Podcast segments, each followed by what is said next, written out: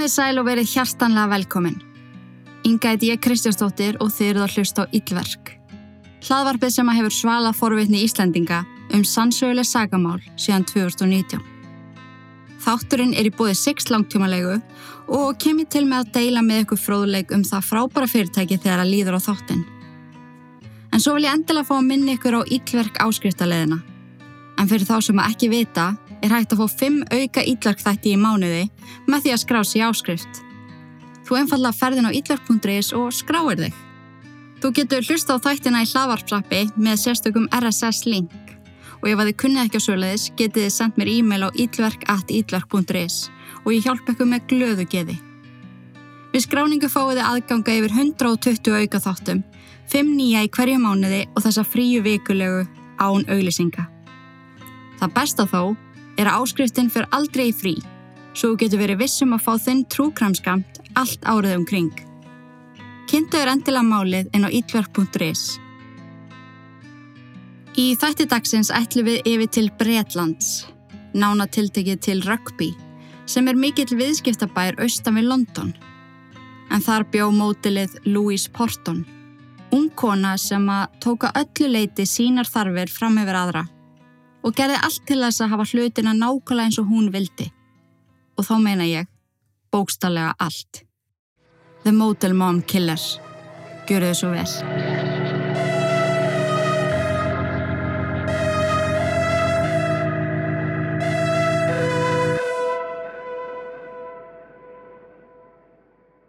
Henni 23 ára gömlu Louise var lísta fjölskyldu sinni sem ótrúlega góðri og sjálfstæðri stelpu.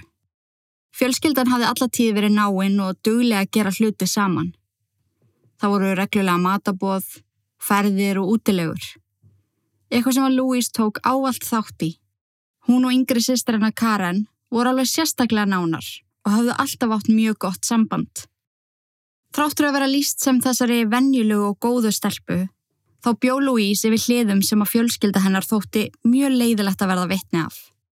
Hún þjáðist alla tíð af miklu óryggi með útliti sitt. Henni fannst hún ófríð eða ljót eins og hún orðaði þetta. Hún var stanslist að spá í þingdini sinni og fór reglulega á mjög stífa kúra sem að gerðu ekkert fyrir hana. Nefna það að brjóta hana enn meira niður þegar þeir genga ekki, en það ofta á tíðum mjög óraunhæfir. En óryggi var mismikið og það fór í raun eftir því hvernig strákamálinn stóðu hjá henni. En þegar henni leið illa með sjálfa sig, let hún það bytna á fjölskyldunni sinni. Hún átti það til að vera mjög andstyggileg og segja orð sem á stungu. Ef að fólk reynda að stoppa hana af eða sagði eitthvað á mótinni, kom það stundu fyrir að hún sló fólki andlitið, hrindi því, ásendi að vaða út og skella út yfir að hurðum og eftir sér. En bæði sýsterinnar og mamma tala líka um það hversu ótrúlega lítið hún var fyrir börn. Ég persónulega þekki alveg þannig fólk sem að getur ekki börn og til dæmis sleppur því að koma í badnaamali því að það meikar ekki öskrin í þeim. Ég held að það sé alveg nokkuð algengt og þá sérstaklega kannski með ókunnu börn. En Louise fannst börn gjörsamlega óþólandi, hvort sem hún þekkti þau eða ekki. Og það voru mjög mörg börn í fjölskyldin hennar. Í barnaamalum og öðrum samkundum þar sem að var mikið af börnum átti Louise það til að hræða þau, klípa í þau eða segja eitthvað til að græta þau. Henni fannst svo fyndi þegar þau hlupu grænjandi til mömmu sinnar sem að skildi ekkert hvað var í gangi.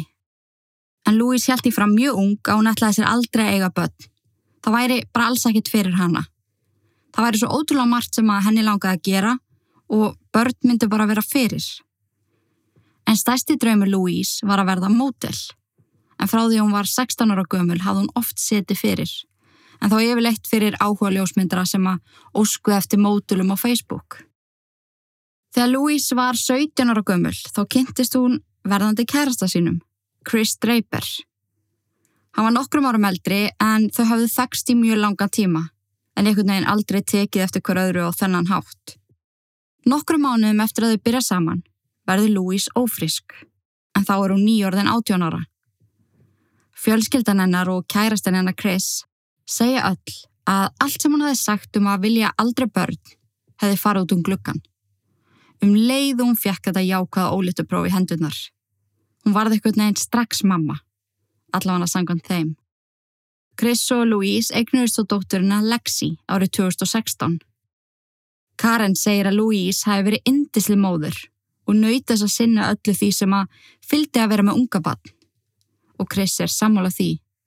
En hann tók fljótt eftir því að hún var ekki tilbúin í öll erfiðin sem að fylgdi því að eiga barn. Hún var alveg til í alla ljúfustundunar, kúr, skiptum född, baða, gefa borða. En um leið og Lexi fekk til dæmis magakveisu eða átti erfitt og grét mikið, þá gjörsala störtlaðist Louise. Oft á tíðum þá fór hún og gisti á mömmu sinni og skildi Chris eftir með barnið. Það er örgulega mjög skiljalegt upp á vissu marki að mömmuna þurfi frí frá slíkum aðstæðum, en ekki alltaf. Þú þarf þá að vera tilbúin að tækla allar hliðar þess að vera móður, líka þegar barnið á erfitt, því að þá þarf það mest að vera að halda, hefði ég svona haldið. En þegar Lexi var aðeins nokkra mánuða gömul komst Louise að því að hún var í aftur ófrísk og samkvæmt öllum þá var hún mjög spennt og Chris var það líka, en viðkendi þó að vera frekar stressaður. Hann var svo eini sem var að koma með tekjurinn á heimilið og þau laun dugði ekki alltaf til. Svo hann hafði smá áhyggjur af fjárhag þeirra og erfiðinu sem að fylgdi því að eiga tvö unga börn. Árið 2017 kom Scarlett í heiminn og þessa sýstur voru það allra sætasta. Báða með stór brún augu og dögt hár ekkert eðlilega sæta bólukinnar og svo brósmildar á öllum myndum. Bara algjör að gerðsamar. Ég skal setja myndaðum á ítlörk Instagramið. En Scarlett var aðeins nokkra mánuðagömmul þegar Louise og Chris ákveða skilja. Og sama hvað ég leitaði mikið þá fann ég ekki þau hættu saman. Og það kannski skiptir ekki öllu máli. En þau virðast samt hafa hætt saman í ósætti. Þar sem að Louise sækir um leigu í búð í bænum Rugby sem er í tveggja klukkustunda fjarlað frá fyrrum heimilið þeirra. Hún neyta líka að lefa Scarlett að bera föðunafni sitt og skýrðana Scarlett Vohan sem er nafn fyrirverandi kærasta hennar. En í kjölfar skilnaðarins þá hjælt hún því fram að Scarlett væri ekki dóttir Chris, heldur dóttir fyrirverandi kærasta hennar. Hún gerði í því að meina Chris aðganga stelpunum og gerði hún alveg verulega erfitt fyrir að halda sambandi. Hún lauga barnavendanemt og lauruglu og sagðist vera að flýja Chris vegna ofbeldis sem hann beitt hana. Það verðist einhvern veginn ekki að hafa verið gert neitt meira í þessu máli og það verðist líka eins og Chris hafi liftinni að fara svolítið sína leið. En hann segir það sjálfur, hann bara viti hvernig Louise var og hún þurfti svolítið að fá sinn tíma þannig að hann vildi ekki þrýsta of mikið á hana. En Louise fer til rugby algjörlega peningalauðs en hún hafði náttúrulega ekki unni í mjög langan tíma. Hún sótt um aðstöðurakbi bæði fjárrakslega og með húsnæði og var henni skaffað félagsýbúð. Hún fekk svo greitan styrk í hverju mánuði. En með þessari aðstóð þá fylgdu skilirði. Louise þurfti að finna sér vinnu og hún þurfti að mæta reglulega á fundi hjá félagsmálastofnun. Louise mætti alveg á fundina en hún virtist ekki stressa sér mikið á því að finna sér vinnu. Eða ekki þessari vennjilugu tjekka vinnu, svona eins og við þekkjum. Hún hafi fundið aðra leið til þess að fá tekjur, sem að voru að vísu svartar, sem hún vildi auðvitað ekki segja frá af því að þá getur hún mist styrkin og húsnæðið. En Louise hafi kynst ungum konum í rugby sem að unnu kynlífsvinnu. Þær deltu með henni hinn um ymsu upplýsingum og þetta heitlaði Louise. Í þessu starfi þá gæti hún stjórna vinnutím... Ú... Það er Day á morgun, ég vildi bara láta ykkur vita að talvan var að segja mér það. Eða voru búin að gleyma það. Ok, moving on. En í þessu starfi þá gætu hún stjórna vinnutímanu sínu sjálf og ráðið í hversu mikið metnað hún lagði í starfið hverju sinni. Þannig að eitt kvöldi þegar að dætur hennar voru sopnaðar þá skráði Louise sig inn á allar síður sem að kunningjakonur hennar bentu á. Hún ákvaði nota gælunafnið Lollipop og notaði myndir af sér sem hún tók inn á baði fyrir um kvöldið. Í lýsinguna skrifar hún svo You can do whatever if you bring the cash up front. Eða, þú mótt gera hvað sem er við mig ef þú rétti mig sælana fyrst. Og núna, þá var bara ekkit annað í stöðinni, heldur hún að býja eftir að profílinn tæki við sér og viðskiptavinnir höfðu samband og ósku eftir þjónustöðunar.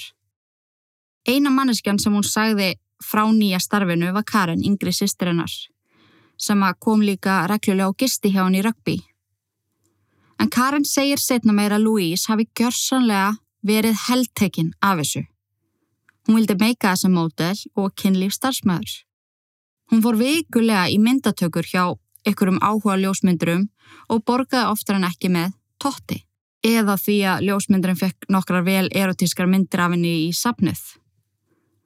Á myndunum klættist hún hinn um ýmsu búningum en hennar uppáld var að klæða sig upp sem Kisa eða Kitty Cat og þar sem að hún bara nú heitið Lollipop var hún æfinlega með sleikjó á myndunum. Hún sendi oft myndir af sér frá ljósmyndastúdjóum á Snapchat til sýstu sinnar sem að spurðana þá í kjálfarið hvar Lexi og Scarlett væru. Og eins og ekkert væri aðleilara þá saði Louise að þar væru bara sofandi heima. Hún hafi bara rétt svo skroppi frá. Og þetta fór að gerast mjög reglulega að Louise svæfiði stelpunar, læsti svo hörðin inn í herbyggið þeirra og fór út að vinna og stundum út að djamma. Svona burt séð frá því hversu heimskulegt og óábyrst það er að skilja börnin eftir ein heima, spáum þá aðeins í því hversu heimskulegt það er að læsa hurðinni inn til þeirra. Hvað ef að kveiknar í? Það geti tafið slökkulismenn helling að þurfa að byrja því að brjóta niður hurðina. Þetta er bara svo heimst á allan hátt. En eins og Louise segi sjálf þá var hún að njóta sín. Hún elskaði hana lífstíl, hún elskaði að bú í rugby. Hún elskaði alla peningin sem hún var að græða og alla aðteglina sem hún var að fá. En hún viðikendi þó að stundu væri mjög erfitt að sinna þessu öllu og stelpunum líka. En hún vann mjög mikið með það að fara bara út eftir að það sopnuðu. Svo bá nágrannakonu sína í blokkinni að hlusta eftir þeim. Fyrst var þetta þannig að ef hún heyrði í þeim gráta lengur enn í tvær mínútur þá sendi nágrannakonan Louise SMS og þá kom hún heim strax. Ef hún var að vinna þá kom hún á eigin bíl en ef hún var á djamminu þá tók hún leigubíl heim. En málinn fóru svo að svona þegar Louise og nágrannakonan voru orðnar ágæti svinkonur þá let Louise hana bara fá leikil af íbúðinu sinni svo hún geti hoppað inn og hugga stelpunar ef það er fór að gráta. Svo fer Louise auðvitað að færa sig upp á skaftið. Tíminn sem að nágrannakonan þurft að fylgjast með stelpunum lengdist. Tóðast lengra og lengra át í nóttuna. Svo fram á morgun svo hann fram að hátegi. Þá getur Lewis hafi kannski verið í burtu heilan sólaring og konan þurfti þá að vakna með stelpunum og fæða þar og klæða. En þótt að þessi tiltækna kona hafi aldrei verið nafngreindin innum greinum, ég finn það allan að hverki, þá er haft eftir henni í gögnum málsins þetta hér. En hún segir, ég vildi frekar gera þetta þegjand og hljóðalaust og segi ekki neitt, því að ég ótaðis hvernig Louise tæki því. Í fyrsta skipti sem ég klætti stelpunar úr náttfötunum og í fött sá ég margbletti á handlegjunum á þeim. Og ég ótaðist það strax að Louise veri harkalega við þar. Hvað ef að ég segði eitthvað? Ég vel ringdi á barnavendanemnd og hún, eins og hún er, myndi ljúa sig út úr því. Myndi það ekki bitn á stelpunum? En þar voru nú þegar fyrir henni að tröfla lífstílinn hennar. Ég vildi freka hjálpa, alltaf þegar hún baði mig. Ég var atvinnulegs og hafði ekkert betra að gera. Ég vissi allavega að meðan stelpunum voru hjá mér, þá var hugsa vel um þær og þeim sínd ástu umhyggja. Og nei, konan saði þetta auðvitað ekki á íslensku. Þetta er ekki íslensk kona, þetta er kona úr Breitlandi, hanna. Ég bara þýtti þetta frá ennsku yfir á íslensku. Kjánarnir ekkar. en ángríns, ég skil þessa konu og mér þykjur hún ótrúlega hjartalí að gera þetta. Auðvitað myndallir hjálpa grátandi barni en ég er ekki vissum að allir myndu vera tilbúinir að hugsa um tvö ókunnug börn, frítt, svo mamman geti djammað. Ég skil svona nokkurnu einn óttan sem hún var að upplifa og svona hvað hún er að meina með þessu og hún hefur alveg greinilega slæma reynsla á kerfinu en hún tala mikið um óttasinn um að það er ekki gert neitt í þessu sem að gerir svona mál oft miklu verri. En eins og hún segir þá hafði Louise sem var þarna 23 ára ekki tíma til þess að vera mamma Það var brjála að gera hjá henni í kynlísvinnunni. Það voru alveg ótrúlega mikið af karlmönnum sem að hún seldi nektamyndir af sér til og hún fór líka á staðina sem að þeir óskuð eftir, á meðan það var í rugby eða nákrenni. En svo fór það að gerast að Louise bauð mönnunum inn á heimiliðir að maðgna. Samkvæmt henni þá gerði hún það bara í þau skipti sem hún átti ekki bensínpenning til þess að keira langa leiðir. Íbúðin sem að hún bjó í var agnarsmá stúdjóýbúð sem að þýtti að hún og viðskiptavinurinn áttu sín viðskipti inn í sama rými og stelpuna sváfu í. Og ekki bara sama rými, heldur í sama rúmi. Það var ekki plássaninni fyrir rúm handa stelpunum. Þar sváfu upp í á mömmu sinni í stóru kingsars rúmi. Svo Louise bauð ókunnum karlmönnum upp í rúm til sín og dætra sína og syndi sínum part viðskiptadílsins. Fekk svo borgaði reyðu fyrir og fór sátt að sofa. En það var svo þann annan januar árið 2018 þar sem að hlutinni fara vestnandi. Við veitum ekki nákvæman aðdraðanda en sangkvæmt símagögnum Louise á hún samtal við ljósmyndara og tvo aðra mögulega viðskiptavinni sent um kvöldið annan januar. En við ljósmyndaran þá segir hún There's something wrong with my daughter eftir að hafa rætt við hann um myndatöku. Hann svarar ekki strax en sendir svo nokkru síðar. Hope you and your daughter are okay. Hún segi þá við hann að það sé sjúkrabill á leiðinni, en breyti svo og segist að hafa kanselað sjúkrabillum því að pappið Lexi, dótturinnar sem er veiks í komin og þau ætli saman upp á sjúkrás. En Louise fer ein með Lexi upp á spítala og er badnið í mjög alvarlegu ástandi. Hún sínir nær engin viðbröð og mjög erfitt með að anda. Louise hefur engin svör fyrir lakna. Þetta hafi bara gerst allt í einu. Hún hafi bara farið að aðtúa með barnið er það svaf upp í rúmi og sá strax að það var ekki allt í lægi. Lexi var rannsökuð alla nóttina, en læknar voru ekki að finna hvað var að. Um sexleitið um morgunin var hún orðin líkari sjálfur sér og læknar töldu örugt að senda hana heim, en sögðu Louise að fylgjast vel með henni og heika ekki við að koma með hana ef hún tæki eftir ykkur enkennilegu. En það sem að lætu mann virkilega fá velgu í magan. En á meðan Lexi var í rannsóknum á sjúkrahúsinu var Louise inn á kynlífsíðum að svara skilabóðum. Hún sendi til dæmis á einn viðskiptavinn You want a happy ending? Og við annan segir hún Is it cash up front? Hún feð meira inn á bað um klukkan þrjú um nóttuna á sjúkrahúsinu og tekur myndir af brjóstunum á sér og sendur á viðskiptavinn. Greinlega ykkur um allt öðrum heimi ekkert að stressa sig á gangi mála með dóttur sína. Væri maður ekki ángrís að naga þessar hendunar og stressi? Nei, ég bara spyr. Snem á morguns þann 4. januar árið 2018 ringi Louise á 999 sem er ekki neyðanúmer, heldur meira svona þú getur ringt og ráðfært yfir lækni en þú telur ekki nöðsilegt að sjúkra bill sem sendur heimtíðin. Ambulance service, is the patient breathing? No, They're not breathing. no. Okay. And who was it we're talking about? Um, Lexi, she's free. She's three. Bear with Yeah. me. Okay. So she's unconscious and she's not breathing. So help has been arranged, okay? Louise far leiðbenningar um hvernig hún geti gefið dóttu sinni fyrstu hjálp. Þanga til að sjúkraliðar myndu mæta á svæðið. Enginni Lexi voru mjög svipuð og í fyrsta skipti og virkaði það að gefa henni sömu lif og meðferð og þá. Henni var hjúgrað í sínu eigin rúmi og Louise sagt að fylgjastu vel með henni. Eftir að sjúkraliðarnir fóru ringdi heimilisleiknir Louise og spurði hann að spurninga úti í Lexi og hvað hefði komið fyrir. Staðraðan í því að komast að því hvað var að angra litla þryggjára barnið hennar.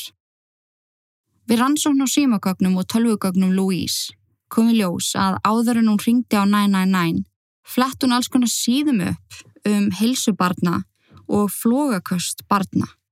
En hún segir einmitt í símtælinu að dótturinnar hafi herra fitt eða fengi flóg. Á meðan bráðaleðnir voru heima hjá þeim að hugsa um Lexi, sendir hún tvö skilaboð. Eitt á sýstu sína og í því stendur. Það er ekki í lægi með hana. Hún dó í 20 mínútur í nótt. Um klukkan hálf fjögur. Ég í stansleysu sambandi við sjúkrási næstu daga og fer þanga með hana ef að þess þarf. Nokkru síðar sendur hún á viðskiptavinn. Cash only. I really need funds to help me get by. Þann 13. januar árið 2018 sést til Louise, Lexi og Scarlett koma heim. Svo eldri, Lexi, hún hleypur aðeins á undan sýstu sinna á mömmu og grýpur í hurðahúnin. Og verðist í mjög góðu líkamlega ásökkomulagi. Louise og Scarlett ganga aðeins lengra að inganginum Þar sem að Scarlett er nú bara átján mánada og tók agnar smá og svona wobbly skref sem er eitt af allra sætasta. En eins og ég segi, stelpuna verðast báðar í fullkomnu lægi en þessi upptaka á sér stað klukkan 6 um kvöldið. 14. januar er Louise úti allan daginn og alla nóttina að vinna. En þegar að símagögn og tölvugögn eru skoðuð frá 13. til 14. janúar 2018 fletti Louise upp hinnum ímsu síðum, svo sem News about Child Death Virus, For how long after drowning can someone be brought back to life, Toddler brought back to life after nearly drowning, How long does it take for a dead body to go cold up to the shoulder, og Five weird things that happen when we die. 15. januar 2018 ringir Louise aftur á neðalínuna.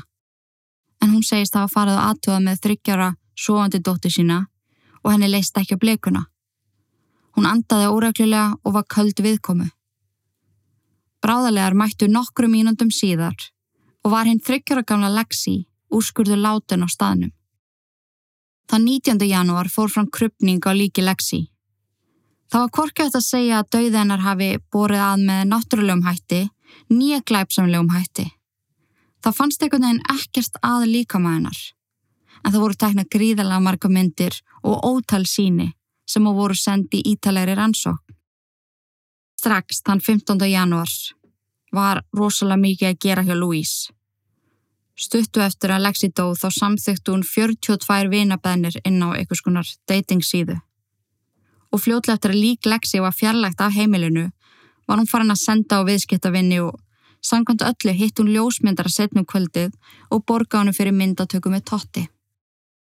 Hún talaði líka mjög opinskátt um það við viðskiptavinni sína að dótternar hafi dáið. Eins og daginn eftir að Lexi deyr þá sendur hún á viðskiptavinn.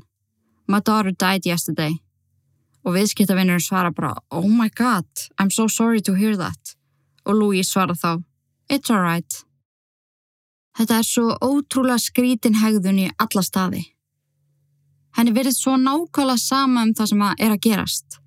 Að barnið hennar sé dáið. Það er eins og ekkert annað komist af nema hennar lífstíl og allt sem að hún vil gera. Var það í alverðinu þannig að Lexi var fyrir henni? En við skulum taka núna örstuða pásu og heyra frá styrstaræðila þáttarins.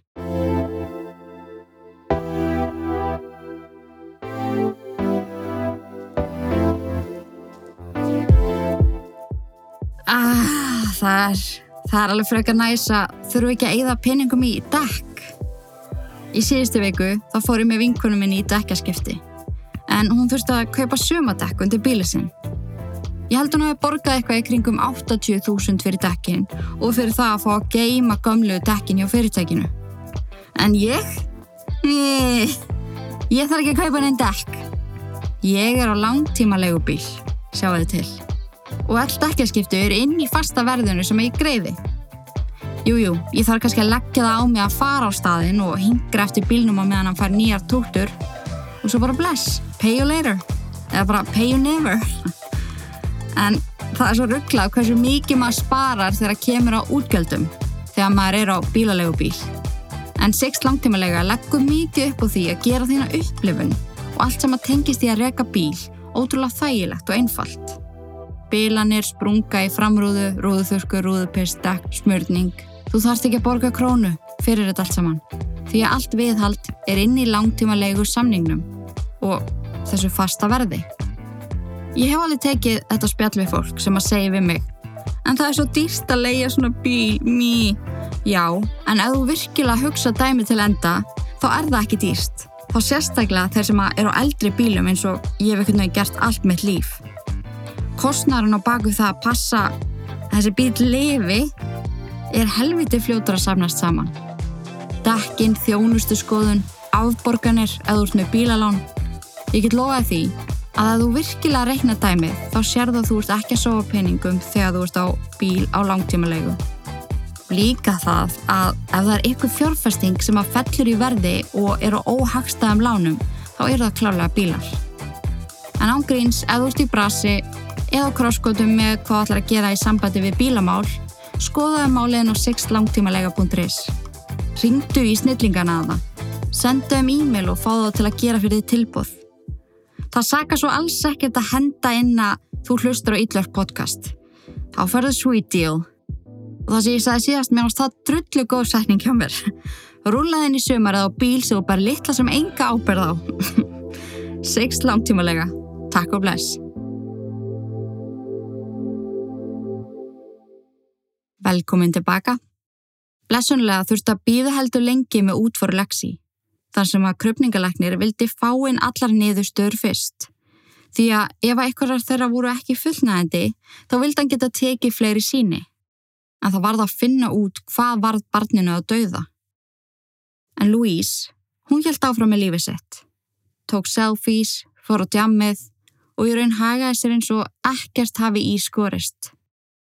Fjölskyldan hennar var með verulegar ágjör af henni og söðaði Karen sýstir hennar um að fá að koma að vera hjá henni ykkur tíma. En Louise vildi það alls ekki.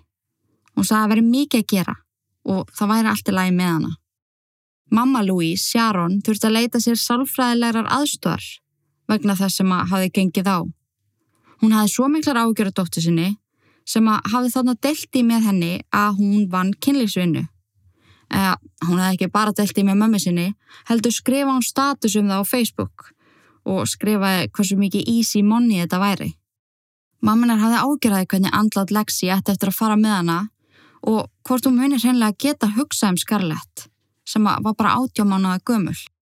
Ofan á allt saman, þá deyr móður ama Louise, en svo góða kona hjælt svo innilega upp á barnabarnið sitt og vildi bóstala allt fyrir hann að gera.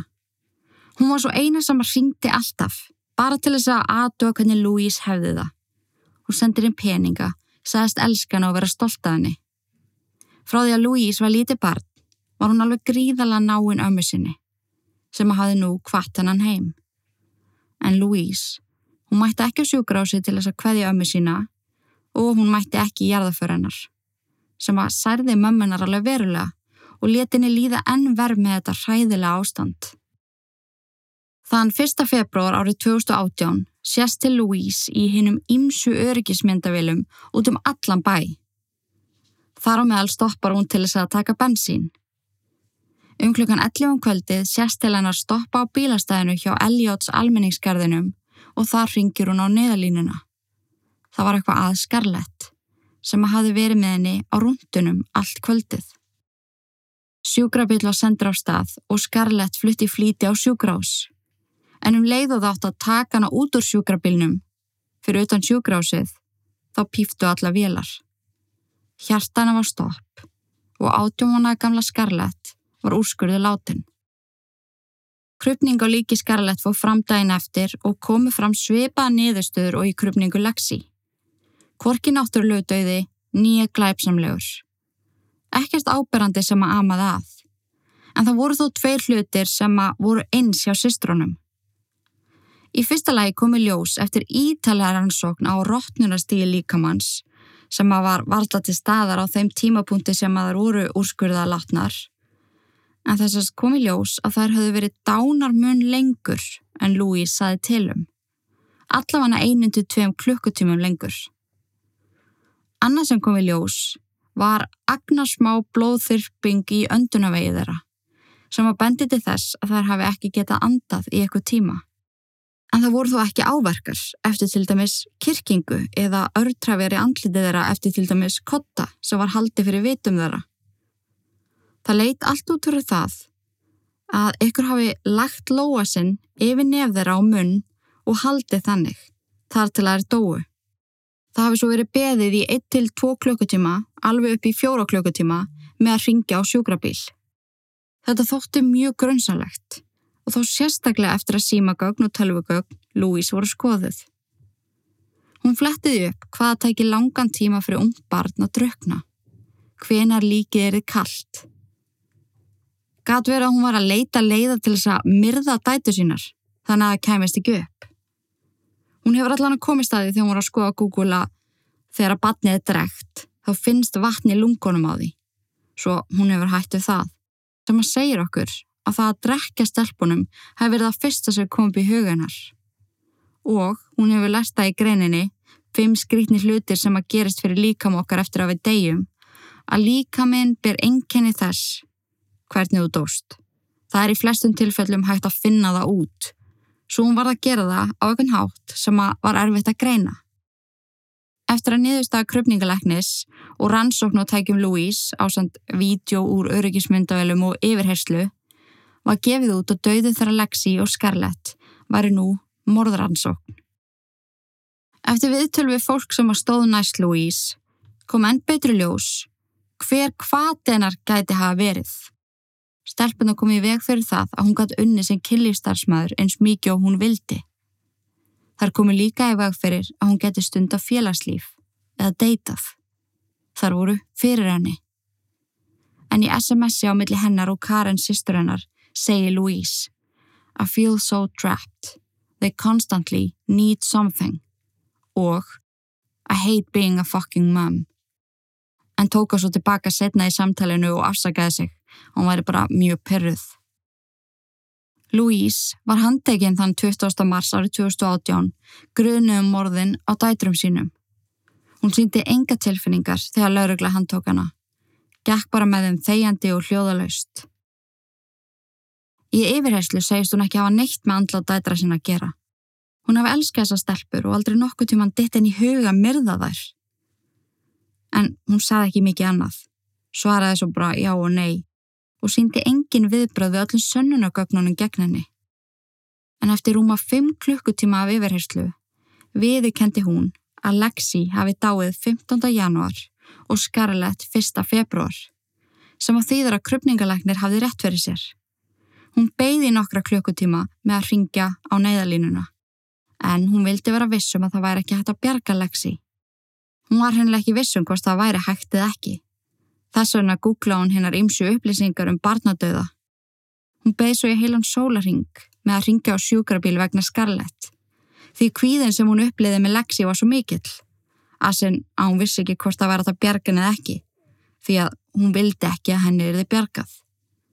Þess vegna beði hún í heilan sólaring til öryggis. Bara til þess að vera vissum að Scarlett væri dáin. En ótrúlegt en satt, þá sínd hún lífsmörk í sjúkrabílnum en lest svo fyrir utan sjúgrásið. En í þennan sólaring sem að Louise hjálpum var í dáin, var hún í eitthvað skonar dái. Heilin var hættur að virka vegna súrefni skorts, en hjartað hjálp þá áfram að slá.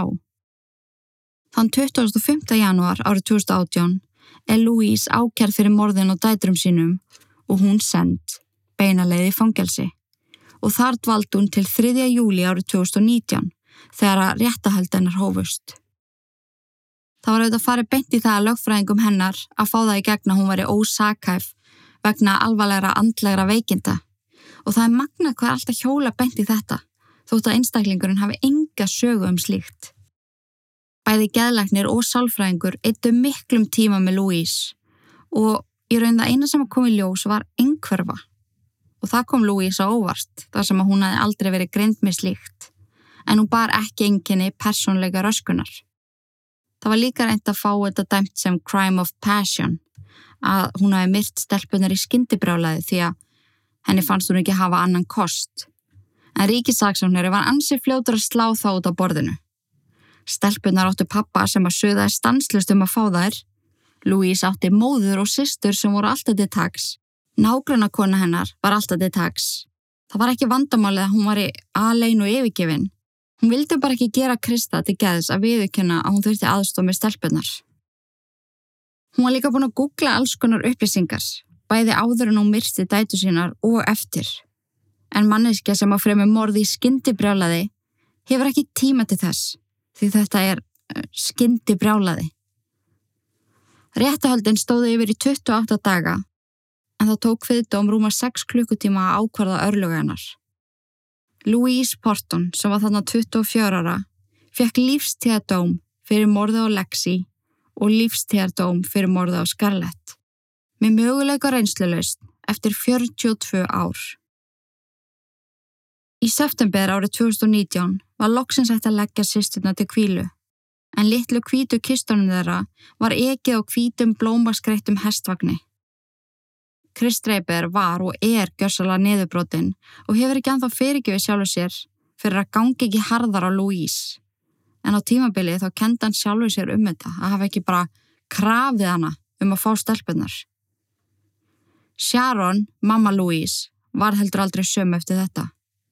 Hún fór í mikla fíknefna og áfengisneslu og fór ítreikað að fremja hérna ímsu smáglæpi. Hún braust til dæmis inn til nágrannakonu sinnar sem var eina af hennar bestu vinkonum og stál skarkripunum hennar. En samkvæmt Karen, sýsti Louise, þá misti Sharon algjörlega vitið. En þann 4. februar árið 2020 þá fannst hún látuna heimili sínu eftir að hafa tekið eigi líf. Hún hafi rissað neyru á blað að hún gæti ekki lifa án Lexi og Scarlett og hún gæti ekki lifa með því sem að kom fyrir. Á meðan nánustu aðstandendur Louise eru gjörsala í rustli þá er hún bara að njóta sín í fangelsinu. Hún brosir og hlæri og fýblast í samfengum sínum. Og nokkuð fljótlega eftir að dómurinnar var kveðinn var hún farin að fá heimsóknir frá ókunnugum mönnum sem að hún fann í gegnum pennavina fangelsisíður. Svo að Louise Porton hjælt áfram sínu streiki, laus við alla ábyrð. En var það ekki annars það sem að hún óskaði sér?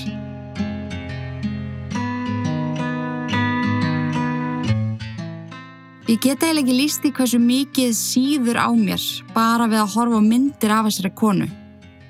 Hvernig er bara í alverðinni til svona fólki heiminum? Sjálfs, sjálfselska begla bara í alverðinni. Það er líka svo ógeðslega fokkin svekkjandi að afsækja orðbræðið og pyrrandi að heyra svona og vera sjálfur á þeim stað að eiga erfitt með að eignast börn. Bara langa ókslega mikið í börn og bara geta það ekki. Og það laumast alveg aðmanni hugsanir eins og ok, hversu ósangjant bara Hva, hvað er að þér?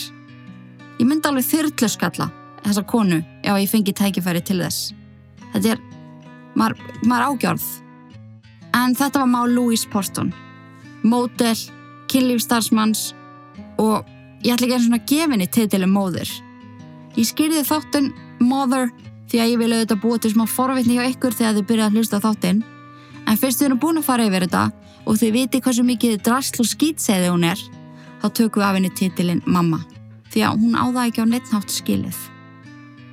En ég heldur segjum þetta gott í dag. Takk fyrir að hlusta og takk fyrir að vera til. Og í guðanabænum forðustu öll ítverk, nema þetta podcast. Verið sæl. Haugur, take it away. Sættu sjöfið og þú dottir eftir lukku Sýnda sáli sem í djúpa hafi sökku Gangin lífi eins og flugur í krukku Með að 666 andast uppu Sættu sjöfið og þú dottir eftir lukku. Sýnda sáli sem í djúpa hafi sökku Gangin lífi eins og flugur inn í krukku Með að 666 andast uppu Þegar úti fyrir að dimm og frostin ístir inn að beini. Engin engil sem að veiti verði í eðilögðum heimi Sem að lagðist í eði með heift og sakleysingjar týndu lífum. Verkin ítlu sem að fólki sá í sínu sínum Hversu margir hræðast drauga? Hversu margir hræðast að það horfi í augu dauða? Saugu taka mann á taugum eins og andar sem að herja mann. Hvaði voru á himnum fyndu engil til að verja mann. Hjartaslæri það sé með djöfulinn á hælunum Refur á móti hænunum, úlfur með sauða gæru Ílska reykar í bænum og lömpi þakma Þórað ekki að vanda allt og marga sálir sem að tilbyðja fjanda. Hamingja krasar eins og skip sem strandar anda Dráttur milli handa hættir að vanda Þegar að þreyttir að hálsi. Þegar ótti tekur yfir missa sakleysingjar bálið eins og nortni galdra fári. Sættu sjöfið og þú dottir eftir lukku.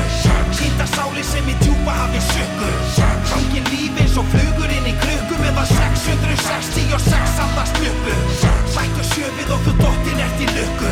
Sýnda sáli sem í djúpa hafi sökku Gangin lífi eins og flugur inn í krukku Með að 666 andast uppu Er það reyði sem að geri megin Skeppnuskapur eins og grimmir hundar sem að naga bein Eins og rifur inn í hænsna kofa hænur sofa svefninum langa þegar að andar koma. Þegar illir andar taka yfir liði fyrir yfirlið ef ljósið andar fara fyrir. Flesti kjósa fá að halda friði liðið í þar um og missi trúna sem það liði fyrir Flesti stand eftir og stara bara hendi sjúkum hug eins og hjá blóðþyrstum talíbana Þeir þurfa að byggja fyrir sálum sínum. Eins og píkir sem er háður vímu þjáður er í sárum sínum. Byður um það eitt að hlusta sé á alla bænir sínar. Engið hefur grýtt að vegi alla fokkin æfi sína. Við skulum kveikja nokkru kertum á. Viltu fá að sjá 666 vandamál? Sættu sjöfið og þú dottir eftir lukku. Sýnda sáli sem í djúpa hafi sökku Hangin líf eins og flugur inn í klukku meðan 766 allar spjöppu Hlættu sjöfið og þú dottir eftir lukku. Hýta sáli sem í djúpa hafi sökku Hangir líf eins og flugur inn í klukku meðan 666 allar spjöppu Býðum í andartak, andarfrátur, andarfar Í andarklassi skilji andar eftir andafar Býðum í andartak, andarfrátur, andarfar Í andarklassi skilji andar eftir andafar Býðum í andartak, andarfrátur, andarfar Í andarklassi skilji andar eftir andafar skilji andar eftir andar